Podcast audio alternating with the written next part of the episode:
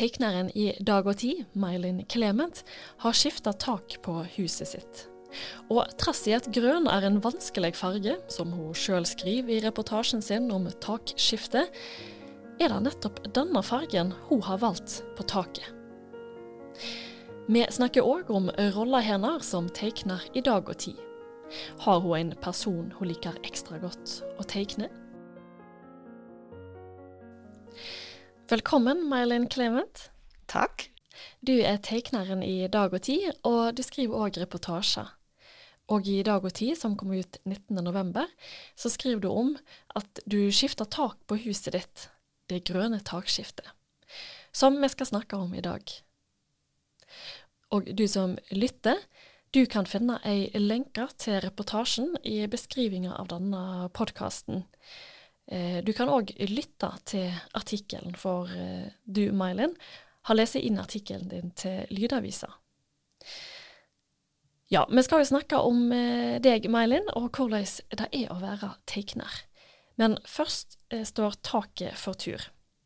For du skulle egentlig bare skifte et råte bord i Møne, men så viste det seg at det var ikke bare Møne som måtte skiftes. Og da var det greit nok å bare skifte hele taket. Og for meg så høres dette ut som et mareritt, men du fant altså ut at dette kunne du jo skrive en reportasje om. Hvor får du disse ideene dine fra? Jo, det er jo mye godt stoff i et godt mareritt, da. og det er jo ofte ting som, eh, ting som irriterer meg, som jeg går og grubler på. Det viser seg at eh, det er godt å skrive om. Så de ideene de får jeg jo egentlig når jeg går og tenker på ting, og det gjør jeg jo ofte når jeg, når jeg gjør noe praktisk. Sånn som så eksempel eh, ta inn og ut av oppvaskmaskina, når jeg støvsuger, når jeg vasker gulvet, når jeg bærer inn ved. altså, nå, eh, nå i høst så lødde jeg et helt mål med ved utenfor huset her. Og det er ekstremt god bruk av tid. Nesten hele den taksaken ble til mens jeg sto og lødde ved. Ja. Så det er det å få litt sånn ro og fysisk arbeid, da, får i gang tenkeprosessen og Ja, når en gjør noe annet enn å bare fòre seg sjøl med podkast og musikk og inntrykk hele tida. Og tenke sjøl. Og det er jo klart at når en skal skifte et tak, så er det veldig masse å ta stilling til. Ja, og du har jo òg tatt stilling til farge på taket. Ja, uh, har det. Ja, for det ble grønt. Og det stusser jeg litt på, for du skriver jo sjøl i reportasjen din at grønt er en vanskelig farge. Hva mener du med det? Um, grønn er jo den fargen vi er uh, mest omgitt av i naturen. Vi har veldig store forventninger til fargen grønn, for vi forbinder den ofte med noe naturlig og friskt. Så vi da, når vi da tar den inn i en annen setting, altså inn i huset eller tar den på klærne våre, sånn, så er det lett for å bli skuffa. For det var ikke akkurat sånn det var når vi så den ute. Og jeg har òg hørt at grønn er en vanskelig farge å selge på klær, f.eks. Altså, jeg har en grønn kåpe sjøl som jeg er veldig glad i. Og den var på 40 Eh, salg den gangen jeg kjøpte henne, mens den helt like svarte kåpa, den var til full pris. Det er jo lettere å bare velge svart. Det er lettere å gå for uh, en farge uten valør enn å velge noe som har en farge. Og sånn er det jo òg på tak, da. Det så jeg jo i sommer når jeg så på tak når jeg var rundt om i Norge, at det er jo så å si ingen grønne tak på hus. Og jo flere tak jeg så som ikke var grønne, jo sikrere ble jeg på at jeg ville ha et grønt tak. Ja, og da må jeg bare skyte deg ned, fordi du har jo skrevet flere reportasjer i Dag og Tid om at du har pussa opp ting, bl.a. kjøkkenet ditt. Eh, for du malte veggene gule, og du satte inn retrokjøkken med skråstilte overskap. Altså ikke da alle andre gjør, som det heter. Og sånn som med taket ditt òg. Alle andre har svart tak. Ingen har grønt tak. Eh, så jeg, føler at det krever litt mot å ta sånne, sånne valg. Hvor er det du får den inspirasjonen til å ta disse her modige oppussingsvalgene? Ja eh, Det kan jo ha med litt at jeg bor i et eh, veldig gammelt hus, så familien min har eh, bygd og bodd i fra 1890-tallet. Så når jeg først gjør noe med dette huset, her, så vil jeg at det skal være skikkelig, og jeg vil at det skal være gjennomtenkt. Det er jo kanskje ikke helt sånn vanlige valg jeg gjør hele veien, men jeg begynte òg helt i feil ende med å slå meg ned. Altså, dette huset var ikke ferdigmøblert. det var ferdig overmøblert da jeg eh, overtok det. Altså, det hadde ikke stått tomt etter at det beste og beste død, sånn at arvingene kunne få kasta ut ting og pusse opp og gjøre det klart for sal. For jeg bodde her allerede med besten og besto da de døde, og så bare bodde jeg her videre. Uten dem. Og det er jo et sånt hus Når folk har bodd veldig lenge i et hus, så Eller eldre folk, da, den generasjonen som da dør, de har ikke kasta ting, de har bare flytta ting opp. Så har de da kjøpt inn nye ting til stua. Så da Besto kjøpte seg en ny grønn sofa på 90-tallet, så flytta hun opp den gamle grønne sofaen sin, som var veldig fin fra 70-tallet, norskprodusert. Så det jeg da gjorde Jeg kasta ut den stygge 90-tallssofaen. Så har jeg flytta ned den fine, grønne fløyels... Uh, Eh, sofaen, og den står i stua i dag, og den er så god. Og den er fra 70-tallet. Høres ut som bestemor òg var glad i farger. Ja, og grønt var jo hennes eh, favorittfarge. Så det òg tenker jeg på når jeg valgte grønt tak. Jeg tenkte jo veldig mye på henne da jeg sto og lødde ved og eh, vurderte dette taket jeg skulle få. At jeg tror hun ville likt dette veldig godt. Altså, hun spontanmalte ei trapp i rosa. Hun gjorde det, ja? Ja, hun gjorde det. Så det er litt sånn Villa Villekulla. Veldig mange vil jo kanskje bare velge et Ikea-kjøkken eller et svart tak, da, som jeg nevnte tidligere. Mm. Må det være så spesielt, sånn som du gjør? Må det være grønt tak? Må det være uh, retrokjøkken?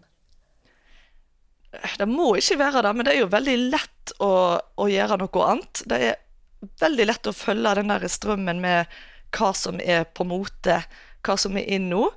Men du må jo huske på at det eneste som går av mote, er mote. Ja. og en ser jo da altså Det er ekstremt mange Ikea-kjøkken som blir solgt hver dag. Da fant jeg jo ut da jeg skrev den kjøkkenteksten at det det ene varehuset deres på Østlandet solgte over 50 kjøkken hver dag. Altså, hver dag. Det, hver dag. Det er for mange. Det er for mm. lett å bare skifte kjøkken. Sa han i butikken noe når du skulle kjøpe tak, da? Eh, sa de som jobber der noe om hvor masse grønne tak som blir solgt eh, ja, det er ingen. det er ingen, iallfall ikke her i Austevoll, som har eh, grønt tak. Det kunne de garantere. Det var ingen som hadde spurt etter den grønnfargen før heller. Og de visste egentlig ikke at det var mulig å få grønt tak, før jeg så det i den katalogen som jeg fikk av dem. Men jeg tenker litt om oppussing som eh, et sånt godt mørt kjøtt. Som ikke er sånn steikt kjapt på høy temperatur, men på låg temperatur over lang tid. Litt sånn low and slow. Da får du tenke gjennom ting. Jeg tror at det da er veldig lurt for de som skal bo en plass òg. Men nå er det jo mange sikkert som tenker på at når de flytter inn, så de må ikke gjøre det for spesielt. For kanskje de, skal, kanskje de kommer til å flytte en gang og uh, bo en annen plass. Og da må de jo selge huset eller leiligheten. Ja, sånn uh, vet jeg jo at det er. Jeg kjenner jo folk som har kjøpt seg helt nye leiligheter. og med liksom de kan velge farge på kjøkkenfrontene. Da har de kanskje to eller tre ulike farger de kan velge mellom, men de kan ikke velge kjøkkeninnredningen. Og de har kanskje et par farger de kan velge mellom på veggene. Det er sånn, De som leverer kjøkken, har gjort avtale med de som bygger ut leilighetene. Og da Altså, en får jo ikke noe sånn skikkelig personlig preg eh, en sånn plass. Men det er jo trist da at en bare flytter fra en pregløs heim til en annen pregløs heim fordi at en ikke skal sette personlig preg på en plass, for da er det vanskelig å selge det seinere. Og sånn, jeg tror at med de valgene jeg har tatt, her i huset, så låser jeg meg litt til dette huset. Sånn som jeg ser for meg livet mitt nå, så er det i dette huset. Jeg har ikke lyst til å flytte herifra. Jeg har ikke lyst til å overlate det kjøkkenet som jeg har blitt så glad i, i hendene til noen helt fremmede. Jeg tror at når en omgir seg eh, av ting som en har valgt sjøl, så blir en liksom litt mer eh, lykkelig når en har tatt et aktivt valg og valgt farger og valgt innredning. Og, og, bare bo på en pregløs eh, plass, altså, da du veit at denne leiligheten her er jo lik som naboleiligheten på begge sider. altså, jeg tror at en blir litt ulykkelig av å bo en sånn plass. Jeg nevnte helt i introduksjonen her at du er tegner for dag og tid. Eh, og da vil jeg gjerne at vi skal snakke litt om, om den rolla di òg. For jeg ser jo for meg at denne interessen din for både farger og tegning, den må jo ha starta tidlig. For du er jo oppvokst i et rammeverksted i ja. Heimsund. Stemmer. Der har mor mi rammeverksted i kjelleren vår. Så det er der jeg er oppvokst, på gulvet, nede i rammeverkstedet. Og eh, jeg har alltid hatt mye tilgang til tegne- og malesaker. For ja, mor mi maler òg. Og når jeg lager ting, eller når jeg lager tegninger og maleri, så ble jo det ramma inn og hengt opp. Det ble liksom forhøya. Det var ikke sånn at det bare ble liggende. Så ja, det at jeg skulle holde på med tegninger, liksom noe som alltid har blitt sett pris på, da. Hjemme hos meg. Mm. Og i dag og tid så tegner du jo veldig masse morsomme tegninger av både politikere og ja, ting som er aktuelt. Kan du huske når du begynte å tegne tegninger av folk? Ja, da begynte vi veldig tidlig. Jeg og venninnene mine, det var liksom en ting som vi gjorde. Vi tegna hverandre, vi tegna familiene våre, naboene våre, lærerne våre. Altså det samfunnet vi, vi hadde rundt oss. Og da tegner vi jo liksom i ganske morsomme og dels grove eh, settinger for å få hverandre til å le. Og det funker jo ofte veldig fint. Og så skjedde det jo òg at tegningene havna på avveie. At de havna i hender som de ikke skulle havne i. Og da fikk jo tegninga konsekvenser. Og det var jo litt, eh, det er litt artig. Altså, den ene gangen jeg ble kalla inn til rektor på barneskolen, så var det pga. ei tegning det er jo litt artig å tenke på at den samme tegningen som kan få ti-elleve eh, år gamle jenter til å le, kan i en helt annen setting få eh, eldre menn til å bli kjempesint. Ja. og det er jo ikke noe nytt at sånne satiretegninger og karikaturtegninger eh, setter i gang sterke følelser. Det mest kjente dømet på det er jo Mohammed-tegningene. Um, kan du si noe om hva det er med satire og karikaturtegninger som gjør at de kan utløse sånne sterke følelser? Ja, jeg tror jo det er det at en tar ganske sånn eh, omfattende, alvorlige hendelser og bare forenkler det sånn. En, en tar det ned til, til, noe som en kan bare skjønne med, med et blikk. Og det er jo ikke så lett, vil jeg tro, for alle å bli forenkla på den måten. En tegning kan ofte skjønnes i flere land av eh, folk som snakker helt ulike språk. Men da er det jo òg lett å ta ei tegning ut av kontekst. For hun er kanskje tegna med én mening, og så blir hun forstått med en helt annen mening. Og det var jo noe av det som skjedde med med Muhammed-tegningene, da. Så når ting blir tatt ut av kontekst, det er farlige greier. Du sa jo at du ble sendt til rektor for en tegning, og, og som jeg var inne på, så er det jo eh, ofte at sånne eh, satiretegninger får sterke følelser fram i folk. Er det nødvendig å være så frekk når en tegner andre? Um, ja, nå er det jo en tradisjon å karikerer makten. Uh, og det har jo òg vært ulovlig i flere land å uh, karikere maktpersoner.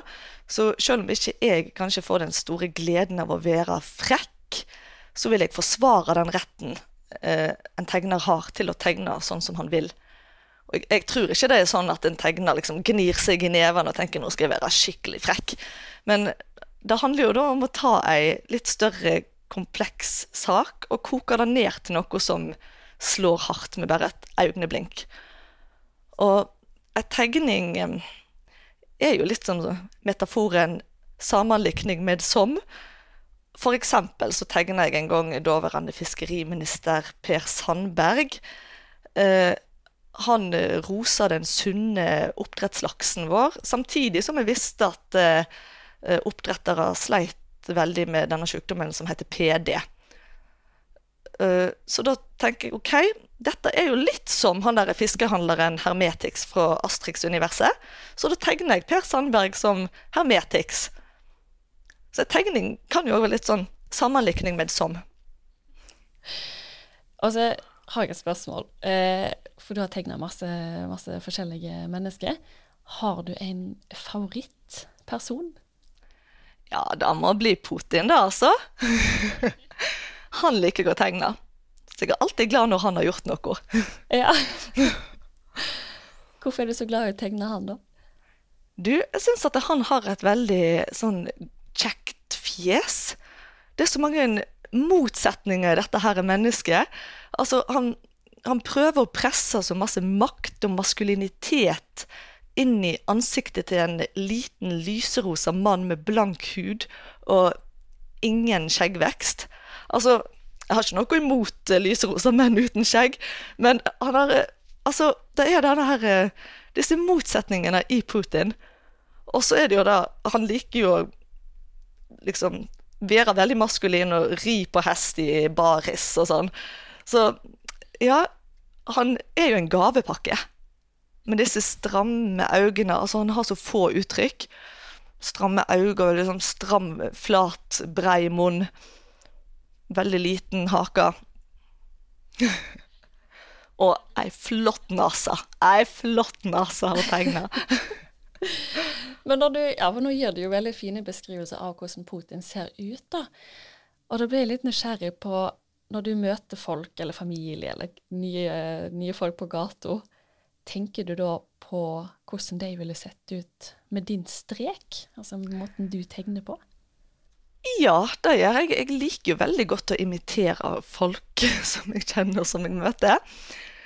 Uh, og da tenker jeg uh, Ja, både min strek, men òg uh, mine ord. Altså, folk som snakker til meg, er jo utsatt for å bli brukt, enten i, enten i liksom, en tegning eller i noe jeg skriver. Så det er jo en risikosport bru, altså jeg bruker fortsatt de rundt meg, sånn som jeg gjorde som barn, da. Ja, da gjør du jo òg med dette eh, taket ditt. For du bor, så du skriver, i en onkelsandwich. Ja. Så du har et par onkler i nabolaget ditt som har utsikt mot eh, taket. Mm. Ja, og dette er jo deres barndomsheim. Så, og dette er et sånt hus der veldig mange liksom, på gården her er født i dette huset, eller mange i Austevoll har bodd i dette huset en eller annen gang. Det er mange som stammer fra dette huset, så de har tanker om hva som skjer med huset. Og da har jo disse her onklene mine òg, som er veldig interessert i hva ting koster til stadighet. Det er jo vane med å gjøre alt sjøl, betale så lite som mulig. Så når de holder på å spørre meg etter pris og sånn, så ja Da skriver jeg da ned at det, dette er folk som lurer på hva ting koster. Så da ble det en del av reportasjen din òg? ja, det ble det. um, vi har jo vært innom litt forskjellig i dag. Både tegning og, og tak og kjøkken. Og, og da tenkte jeg vi skal runde av med et siste spørsmål til om tak. For det kan jo hende at noen av lytterne nå tenker at åh, ja, jeg har, jeg har, kanskje et av disse takene som er litt sånn, som egentlig er svart, men litt eh, bleika. Kanskje det er på tide å, å skifte, da. Og du som nettopp har vært gjennom denne her uh, overgangen uh, og skifta tak, har du noen gode tips til hva folk bør tenke på? Ja, altså det viktigste tipset er jo da å tenke. Altså ta et valg. Ikke la noen andre ta valget for deg. Ta et aktivt valg, ikke vær passiv. For det å ikke ta et valg, det er et valg, det òg. Og altså, taket utgjør 30% av fasaden på et hus. Å skifte et tak er noe du kanskje bare gjør den ene gangen i livet. Once in a lifetime experience. Og så til slutt, er du fornøyd? Er du fornøyd med taket ditt nå, når du kommer kjørende eller gående til huset ditt? Hva du, tenker du da? Jeg er så fornøyd. Green, green roof of home. Uh, og så er det så greit når folk skal finne huset mitt, at jeg kan bare si bare kjør til det huset med det grønne taket.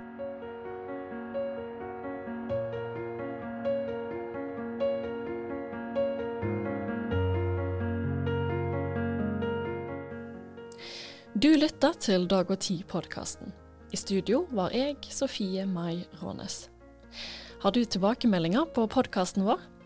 Send gjerne en e-post til sofie krøllalfa dagogtid.no.